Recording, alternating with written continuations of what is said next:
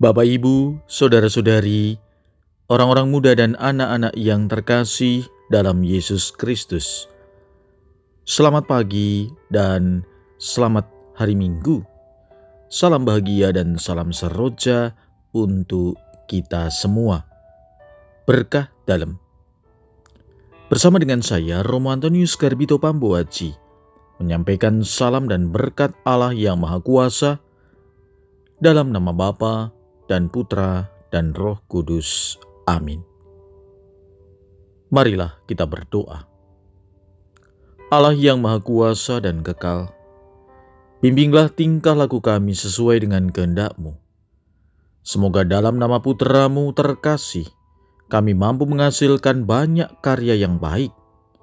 Dengan pengantaran Yesus Kristus putramu Tuhan kami, yang bersama dengan dikau, dalam persatuan dengan roh kudus hidup dan berkuasa, Allah sepanjang segala masa. Amin. Hari ini Minggu, 24 Januari kita memasuki pekan biasa ketiga. Bacaan pertama dalam liturgi hari ini diambil dari nubuat Yunus bab 3 ayat 1 sampai dengan 5 dilanjutkan ayat 10. Bacaan kedua diambil dari surat pertama Rasul Paulus kepada jemaat di Korintus bab 7 ayat 29 sampai dengan 31. Bacaan Injil diambil dari Injil Markus bab 1 ayat 14 sampai dengan 20. Marilah saudara-saudari yang terkasih, kita mendengarkan Injil Yesus Kristus menurut Markus. Sesudah Yohanes Pembaptis ditangkap, datanglah Yesus ke Galilea memberitakan Injil Allah. Yesus memberitakan waktunya telah genap, kerajaan Allah sudah dekat, bertobatlah dan percayalah kepada Injil. Ketika Yesus sedang berjalan menyusur danau Galilea, ia melihat Simon dan Andreas, saudara Simon. Mereka sedang menebarkan jala di danau, sebab mereka itu penjala ikan. Yesus berkata kepada mereka, "Mari ikutlah aku, dan kamu akan kujadikan penjala manusia."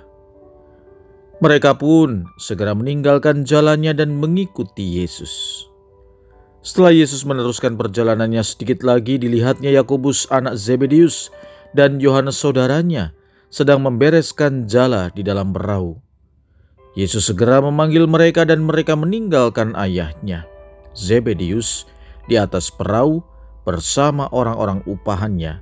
Lalu mereka mengikuti Yesus.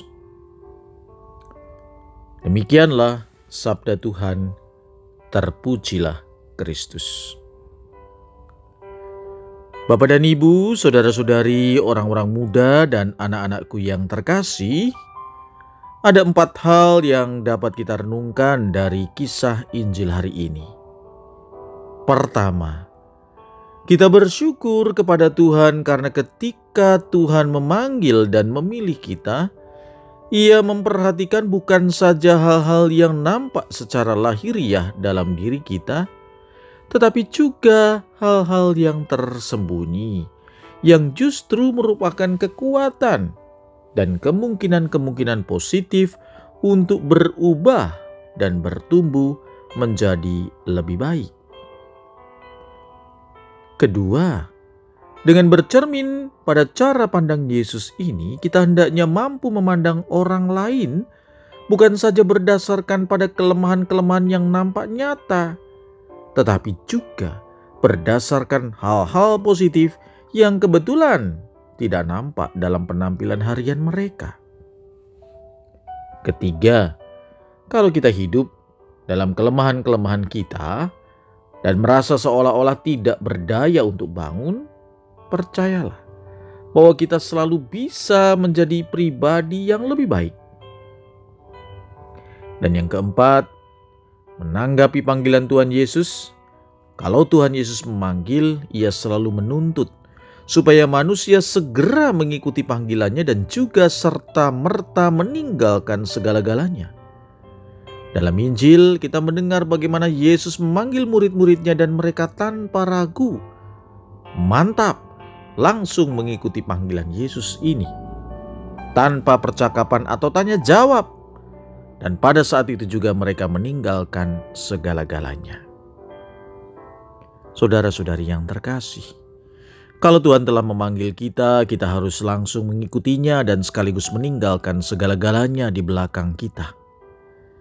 Mengikutinya berarti selalu siap, tidak lagi ada kata berbalik pulang atau berhenti di tengah jalan. Mengikutinya berarti selalu maju.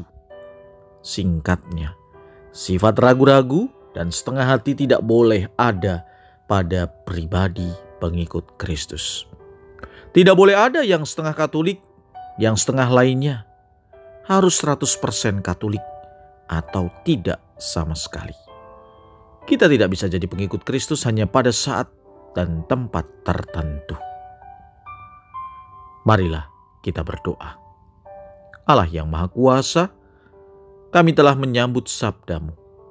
Buatlah kami senantiasa bersuka cita atas anugerahmu, sumber hidup yang baru dengan pengantaran Kristus Tuhan kami yang hidup dan berkuasa sepanjang segala masa.